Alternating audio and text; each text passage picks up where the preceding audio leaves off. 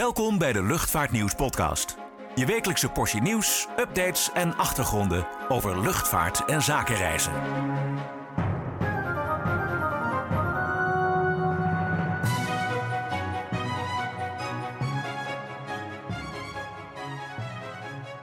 Hallo en welkom bij weer een nieuwe Luchtvaartnieuws podcast. Mijn naam is Klaas-Jan van Woerkom en bij mij zit mijn collega Richard Schuurman.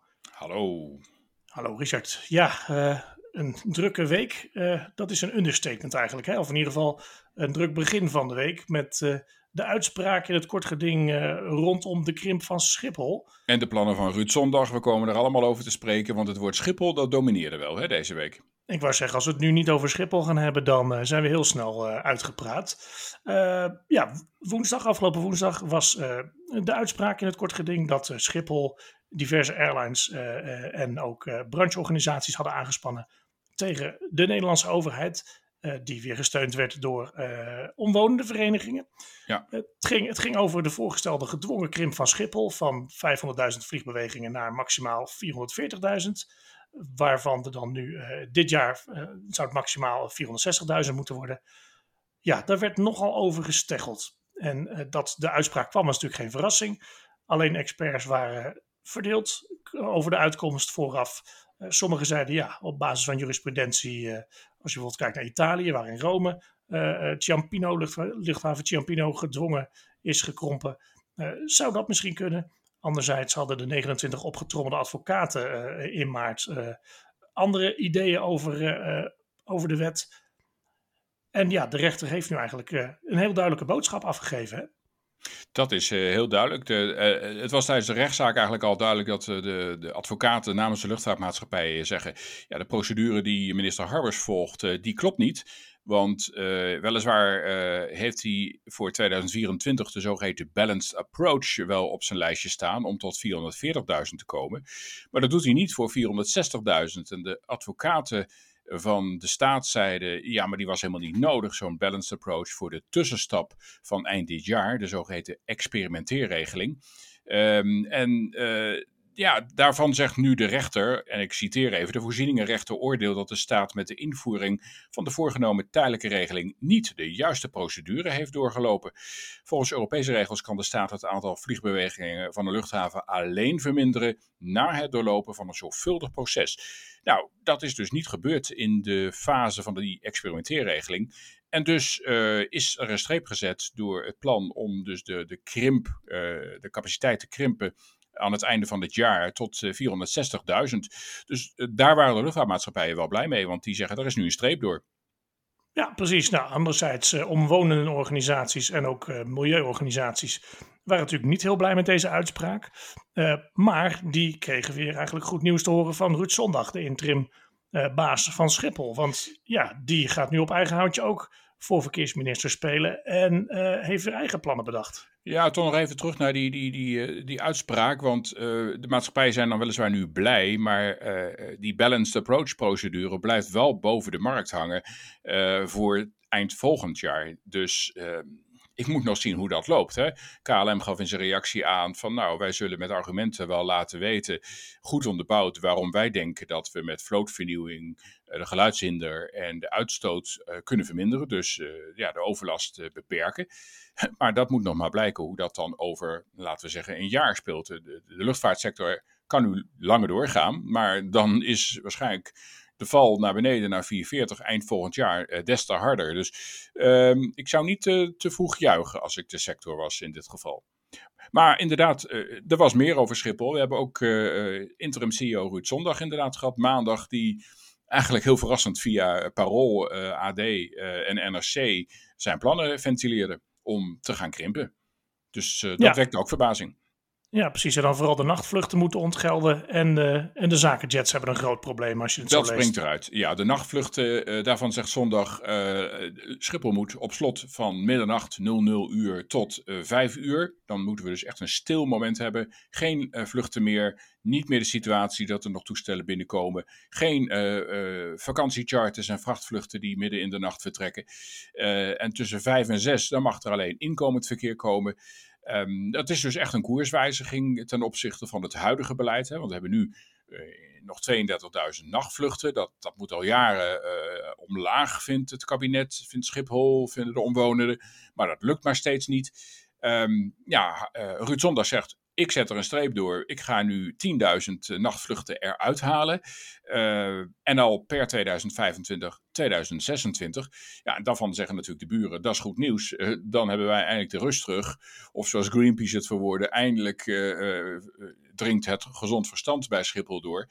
Maar er zitten toch wel een hele hoop haken en ogen hoor, aan die, aan, aan, aan die echt maar die oproepen, die plannen, proefballonnen is het ook al genoemd, van Ruud Zondag. Je, ja, we zijn er nog niet. Het, kan zeggen dat het businessmodel van hè, TUI, Transavia, Corendon en andere vakantiemaatschappijen, dat uh, ja, moet natuurlijk helemaal op de schop eigenlijk als ze niet meer uh, de huidige nachtvluchten mogen uitvoeren. Nou ja, ook, ook daar geldt voor. Uh, Ruud Zondag uh, noemt een aantal pakketten of dingen in zijn pakket. Lawaaiige vliegtuigen weren. Nou, dat zou je inderdaad snel kunnen doen. Uh, maar die zakenjets en die nachtvluchten, dat raakt toch echt wel wat verder. En dan zijn we eigenlijk terug bij wat de, de rechter ook in Haarlem zei in het kort geding over de, de krip naar 64.000. Ook hiervoor moet de luchthaven uh, of het kabinet een balanced approach gaan voeren. Een, een evenwichtig uh, besluit nemen, uh, gebaseerd om echt te onderbouwen hoe ze dat gaan doen. En dat heb ik niet gelezen in het persbericht en de uitspraken van Ruud Zondag. Hij stelt dat iets per 2025, 2026 kan. Maar uh, lees je terug uh, wat bijvoorbeeld in eerdere adviezen aan het kabinet en uh, adviezen, rapporten van de slotcoördinator zijn, staat opgeschreven. Dan kom je weer uit op dat woord balanced approach, of twee woorden moet ik zeggen. Um, dat is dus echt wel nodig. Dus ik ben reus benieuwd hoe Schiphol dit dan er denkt door te krijgen. Want hij zal echt bij de luchtvaartsector langsgaan. Uh, de staat moet alle belanghebbenden raadplegen en een vermindering van het aantal vliegtuigbewegingen is pas toegestaan als duidelijk is dat andere maatregelen om de geluidshinder te beperken onvoldoende werken. Citaat uit de uitspraak van afgelopen woensdag. Dat geldt dus ook voor die, eh, die nachtvluchten. Uh, en waar moeten ze dan naartoe? Hè? Los je ze op? Gaan de airlines vluchten verplaatsen naar andere luchthavens? Lelystad wordt al genoemd, maar ja, Lelystad is nog niet open. Um, je hebt ook de, de, de, de mogelijke uitruil van nachtvluchten naar dagvluchten. Eén uh, nachtvlucht uh, is, uh, staat in verhouding tot tien dagvluchten. Dus als je er 10.000 weghaalt, zou je in theorie 100.000 vluchten erbij kunnen doen overdag. Dat zou wat zijn. Ik denk niet dat dat er doorkomt. Maar nee, als je dat, kijkt dat... inderdaad naar wat hij zegt van... Eh, of, eh, enerzijds natuurlijk de, de, de, de chartermaatschappijen, hè, die, of vakantiemaatschappijen moet ik zeggen. Ja. Hè, die zeggen van hè, we vliegen drie rotaties per dag met een machine als het even kan. Ja. Hè, als we geen nachtvluchten hebben, dan, uh, ja, dan redden we dat niet. Dus nou, dan worden vakanties misschien wel duurder. Moeten passagiers op onmogelijke tijden vliegen. Alhoewel, ja, als je in de nacht vliegt, moet je soms ook om drie uur s'nachts op Schiphol staan. Ja. Over onmogelijk gesproken. Uh, maar als het gaat om het uitplaatsen, ja, uh, Rotterdam zit vol, Eindhoven zit vol, Maastricht is best een eind vanaf Amsterdam. Groningen uh, ja, is ook gewoon geen optie. Je zou bijna zeggen dat hij toch misschien stiekem een beetje ruilhandel wil. Van oké, okay, dan moet Lelystad wel open, want dan kan ik daar die, die vakantievluchten naartoe schuiven. Nou, we spraken er uh, maar ja, dat, dat, dat staat er niet in, hè, in, in, in zijn plannen, hoe hij dat wil realiseren. Hij zegt dat niet. Uh, Steven van der Heijden van Corendon zei, ik, ik denk, hij vermoedt dat er een link is inderdaad tussen de krimpplannen en de nachtvluchten. Uh, en wat ik al zei, die verhouding nacht-dagvluchten, dat dat op een of andere wijze dan in de nacht de overlast voor de omwonenden vermindert. En dat vindt trouwens uh, Steven van der Heijden een, een correct argument. Die, die uh, overlast mag best minder. Maar wat we er, en wat Schiphol en wat de maatschappijen er dan overdag voor terug gaan krijgen, dat is onduidelijk. En je zou hè, nu toestellen ge, geplaatst, gebeest op Schiphol, die zou je misschien naar het buitenland kunnen uitplaatsen. Maar ja, dat heeft natuurlijk ook allerlei consequenties als kosten.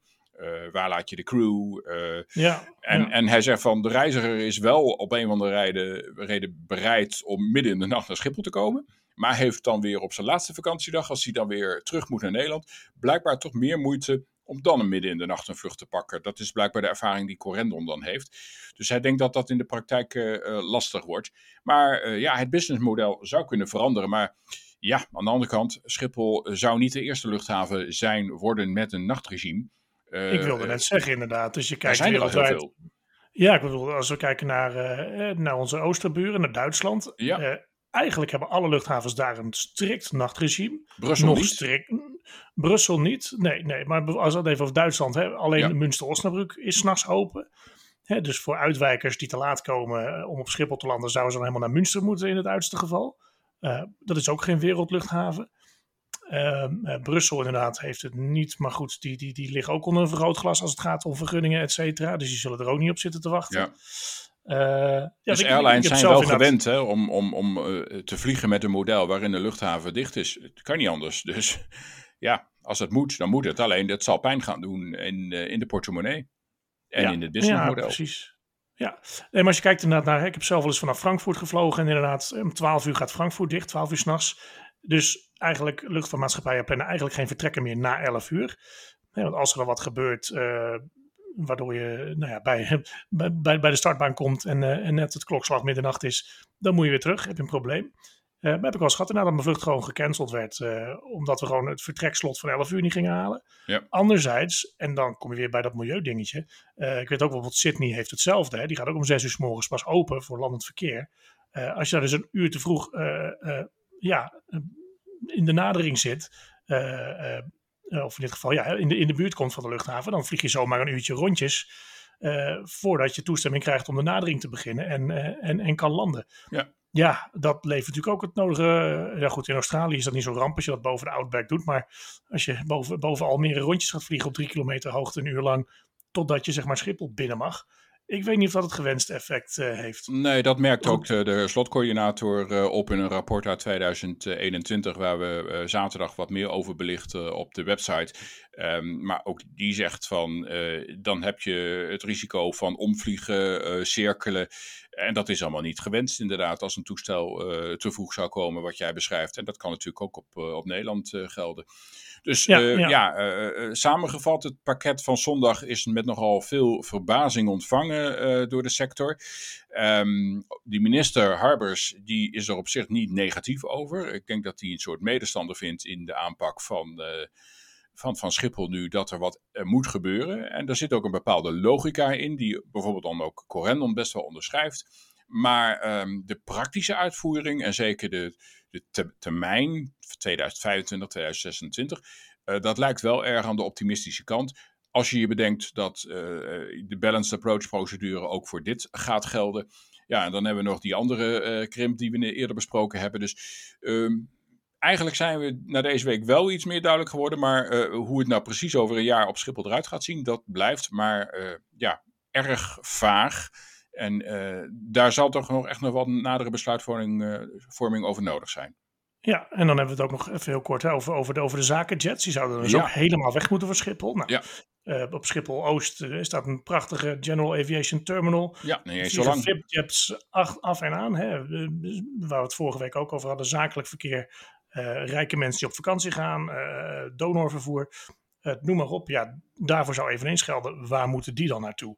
Hè, op Lelystad, nou ja, kan dat, maar het, die zitten er niet op te wachten om dat allemaal over te nemen, vermoed ik. Ja, dan, dan ben je redelijk snel door je keuzes heen. Uh, ja, dat ja, geeft Schiphol ook niet aan. We hebben er nog speciaal naar gevraagd. Maar uh, ja, ze zeggen je kan ook met de trein uh, of uh, naar, naar bijvoorbeeld Londen, naar Brussel en dat soort dingen. Daar heb je een zakenjet niet voor nodig. Voor zakelijke bestemmingen zijn genoeg vluchten. Uh, met een gewoon vliegtuig. En ja, zij nemen nu heel duidelijk afstand van de zakenjets, terwijl het toch wel een, een businessmodel is van hun. Um, dus als ze consequent zouden zijn, dan moeten ze ook zeggen: dan willen we ook geen zakenjets meer op Eindhoven. Dan willen we ze ook niet in Rotterdam. Nee. Dan willen we ze ook niet op Leestad Airport. Um, terwijl daar best ook wel geregeld nu uh, de zakenjets naartoe komen. Dus, ja, alhoewel Rotterdam en Eindhoven ook, hè, daar tellen de zakenjets wel als slot mee. Dus die ja. zit ook stampvol. Ja. Uh, tr trouwens ook, hè, de overheid heeft dan ook een probleem. Want je hebt heel vaak militaire VIP-toestellen. En natuurlijk het regeringsvliegtuig ook op, op Schiphol. Die mogen dan ook niet meer komen. Maar um, um, ja, het is, het is opvallend. Uh, ik, ik, denk dat bedoel, meneer Zondag is interim. Meneer Harbers heeft ook niet het eeuwige leven zeg maar, in het politieke landschap.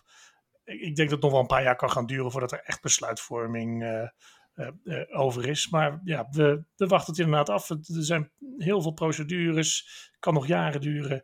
En trouwens, Schiphol heeft al eerder geprobeerd om de zakenjets weg te jagen, als het ware, hè, door de tarieven omhoog te gooien. Maar dat heeft nooit geholpen. Want ja, als je geld hebt, heb je geld. En als je op Schiphol wil landen, dan land je op Schiphol. En minister Harbers merkte notabene eerder in maandag in een brief aan de Tweede Kamer nog op op vragen van de ChristenUnie en D66 dat hij eigenlijk heel weinig middelen ziet om zakenjets te kunnen weren.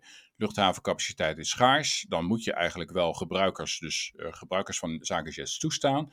Ja, ze zijn vervuilender als het gaat om CO2-uitstoot per passagier, vergeleken met een gewoon passagiersvliegtuig. Um, maar ja, daar zit ook verduurzaming in. De, met schone brandstoffen. Zakenjets zouden zich technologisch kunnen ontwikkelen.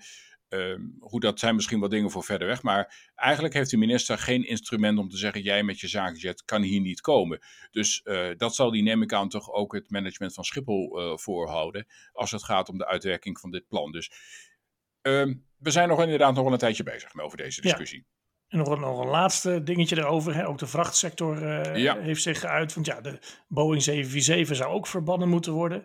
Uh, de 400, hè? De, de, vier, de 400, ja. Goed, um, um, goed dat je dat zegt, inderdaad. Uh, ja, die vliegen ook nog vaak s'nachts, vrachtvluchten in zijn algemeenheid. Ja. dus dat wordt ook wel een dingetje, inderdaad. Hè. Ben Smith van Air France KLM, de topman, die heeft ook gezegd: van, ja, hallo, we investeren hartstikke veel geld in nieuwe, nieuwe toestellen. In dit geval Airbus A350 freighters. Uh, en dan mogen we straks niet meer vliegen. Uh, ja, dus ook, ook daar, ja, voor hetzelfde geld komt er vanuit de zakenjethoek en vanuit de vrachtsector ook nog wel een, uh, een kort gedingetje de kant van, van Schiphol opvaren. Uiteindelijk verwacht ik wel dat het die kant op gaat. Ja, dat de, als de onderbouwing van de balance approach niet tegenvalt, dan ga je tot het hoogste niveau. En ja, dan krijg je ook natuurlijk nog weer bezwaren in Brussel. dus Daarom, ja. dat, dat, dat, gaat onze tijd nog wel duren. Goed, even genoeg over Schiphol. Gooi er een pauze in. Ja, gooi er een pauze in. We gaan gewoon even naar de reclame. Zijn we zo weer terug. Word nu abonnee en ontvang 12 keer per jaar het Luchtvaartnieuws magazine. En onbeperkt toegang tot nieuws en achtergronden op luchtvaartnieuws.nl en zakenreisnieuws.nl. Ga voor meer informatie naar luchtvaartnieuws.nl/slash abonneren. Ja, zijn we weer uh, terug. Um, Airbus die heeft op zich wel een goede week, als ik het zo, uh, als ik het zo lees. Orders van Azerbaijan Airlines en uh, van onze vrienden van Icelandair, die eindelijk een keuze hebben gemaakt over de opvolging van de Boeing 757. Uh, eh, licht ons even in over de details. Nou, die Azerbaijan-order is eigenlijk inderdaad wel opvallend. Want tot 2019 had uh, Azerbaijan Airlines, afgekort AZAL, 10 MAX 8's in de orderportefeuille bij Boeing staan. Maar uh, kort na de uh, ongelukken uh, met de MAX 8 in, in, maart 2019 in Ethiopië werd hij aan de grond, daarna werd hij aan de grond gezet. Toen hadden ze er eigenlijk niet meer zo heel veel gretigheid bij, in Azal, of, ja, bij Azal moet ik zeggen, om die toestellen te krijgen. En ze wilden er dus vanaf en ze hebben ze ook afbesteld. Maar ja, de MAX is natuurlijk weer opnieuw in de lucht. technisch veilig, verbeterd. Maar toch is Azerbaijan Airlines niet bij Boeing gebleven of teruggekeerd moet ik eigenlijk zeggen. Ze zijn naar Airbus gegaan en uh, ja, ze, ze, bestellen nu uh, 13 uh, toestellen uh, plus 12 opties. Althans, het is een contract dat gisteren is getekend voor zowel de A320 NEO als de A321 NEO. Afleveringen, wanneer dat volgt, is niet helemaal duidelijk.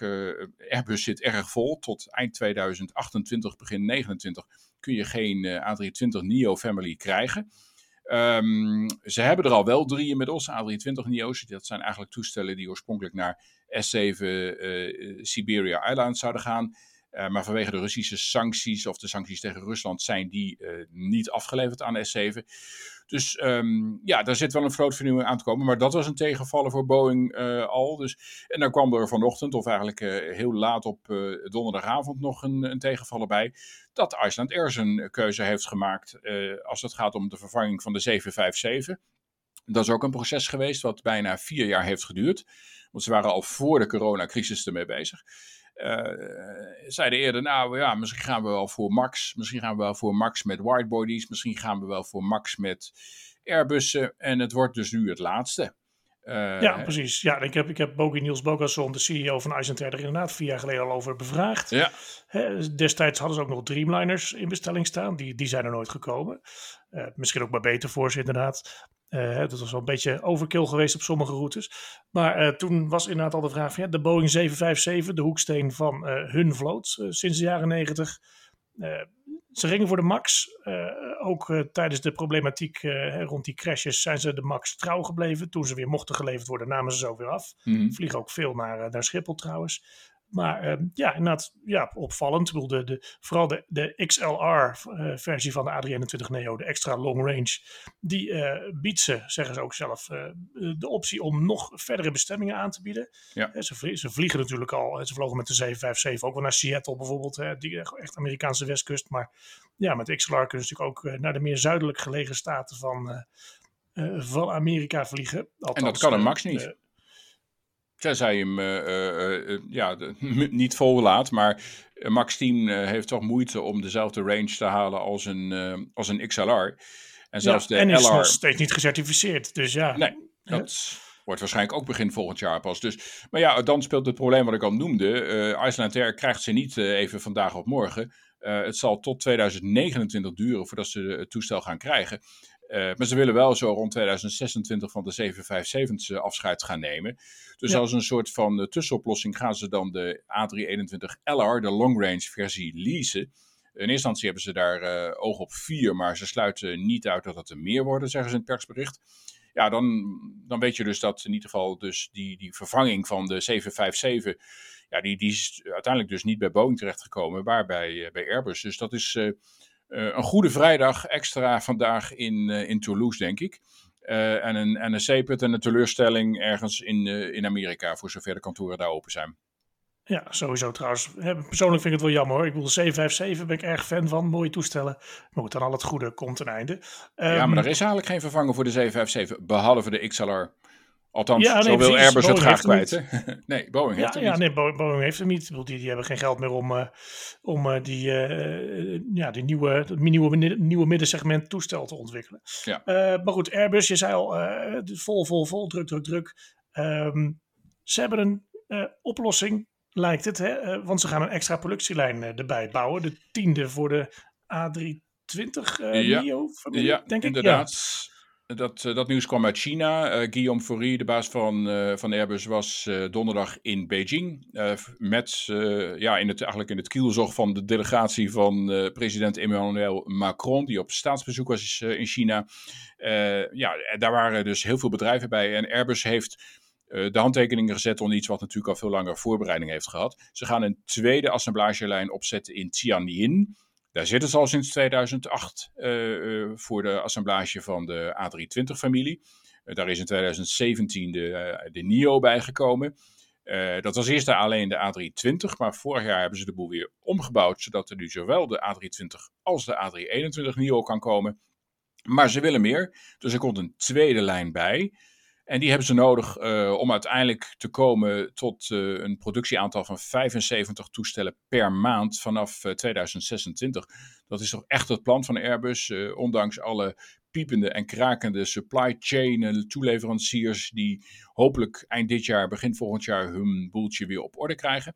Um, maar Airbus is aan het uitrollen. Hè. We hebben recent al uh, ja, letterlijk uh, er rondgelopen en verslag gedaan over uh, de nieuwe lijn voor de A321 in Toulouse.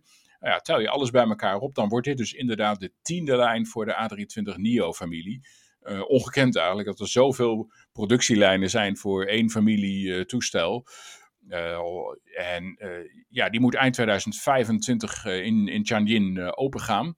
Verder heeft uh, ook nog een contract getekend, maar dat was eigenlijk uh, een, een, beetje oud nieuws binnenland.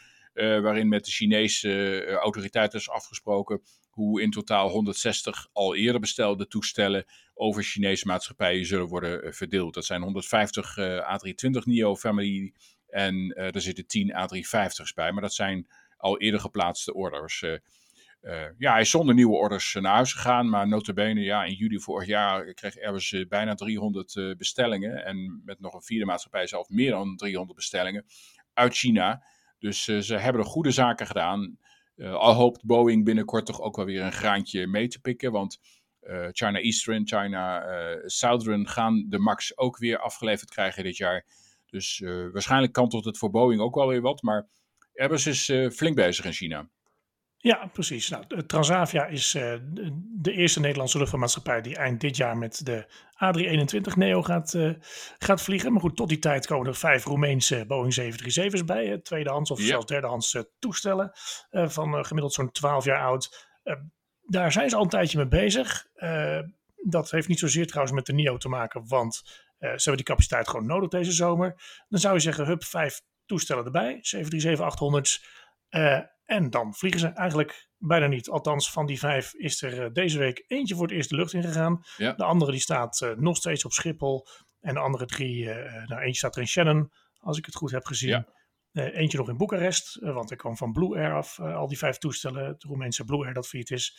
En eentje stond er, stond er in Craiova volgens mij. Nou goed, het zal allemaal wel met onderhoud te maken hebben. Shannon worden ze overgespoten.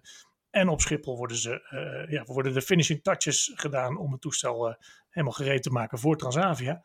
Um, maar goed, ja, ze, ze, ze, ze, het gaat niet heel hard, zeg maar. Hè. Er staat er dus eentje nog steeds stil op Schiphol. De, de rommelde daar een beetje. Of het was iets wat met papierwerk. was een hoop onduidelijkheid over. Wat, uh, wat was er ook weer mee? Nou, het dook eind vorige week al op. We hebben het ook vorige week ook in de podcast besproken. Maar afgelopen dinsdag zei Transavia, ja, we ontkomen er niet aan. We hebben te weinig toestellen in de periode vanaf 19 april tot eind mei.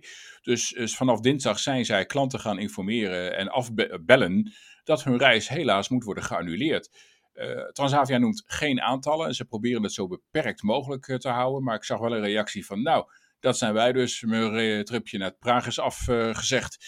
dus dat betekent dat er wel hier en daar uh, vluchten uh, uitgaan. En dat heeft te maken inderdaad met het tekort aan vliegtuigen. Transavia zegt zelf, niet alleen die Blue Air toestellen, die hebben we niet volledig beschikbaar, maar het onderhoud aan andere toestellen loopt ook uit. En bij de Blue Air toestellen, ja, daar, daar zegt de woordvoerder dan van, dat heeft te maken met dat de papieren, de goedkeuringen niet allemaal voor zijn. We zien zelf, ja, er staat dus toch een toestel bij uh, de verfpuiterij. Eentje is dan wel in gebruik. Maar het zou ook te maken hebben met de goedkeuring in, uh, die in Amerika nog nodig is. Want dit zijn toestellen die zijn van Airlease Corporation. En die lease Transavia daarvan. Ja, daar moet de FAA blijkbaar ook een zegje over doen. Dus dat compliceert het hele verhaal. En dan hoorden we verder nog van ja, maar dat is niet helemaal de volledige waarheid. De technische dienst heeft een probleem. Uh, zij hebben gewoon al uh, wekenlang onder bezetting. En er zijn uh, mensen al in opleiding bij Airbus voor de komst van de A321 NEO. Um, daarvan zegt Transavia, ja, dat klopt. Er zijn mensen in opleiding. We hebben ziekte gehad, maar die hebben we wel weer aangevuld. en het is een combinatie van factoren. Um, we hadden gehoopt dat we nu die Blue Air toestellen toch echt wel zouden hebben in, in dienst. Dat is helaas een tegenvaller, een streep door de rekening. Uh, hadden we ze wel gehad, dan hadden we nu waarschijnlijk die vluchten niet hoeven te annuleren. Dus het is een, uh, een optelsom van factoren waardoor uh, Transavia nu toch enkele mensen in de meivakantie moet teleurstellen. Ja, precies. Dus niet, niet iedereen kan vliegen. Helaas. Um, nou, waar je, waar je wel gewoon kan vliegen is, is bij KLM. Even als laatste onderwerp. die hebben een wijziging in het business class beleid aangekondigd. Ja, wat gaan ze doen? Nou, de wijziging is dat uh, reizigers in business class niet per definitie meer een gratis stoel mogen selecteren voor, uh, voor het inchecken. Mm. Uh, dat kon tot nu toe wel. Als je gewoon geboekt had, kon je gelijk een stoeltje uitzoeken. dat is met vertrek vanaf 13 april niet meer zo. Althans, voor de standard klasse tickets. Als je fle flex ticket hebt, dan kan het nog wel gewoon.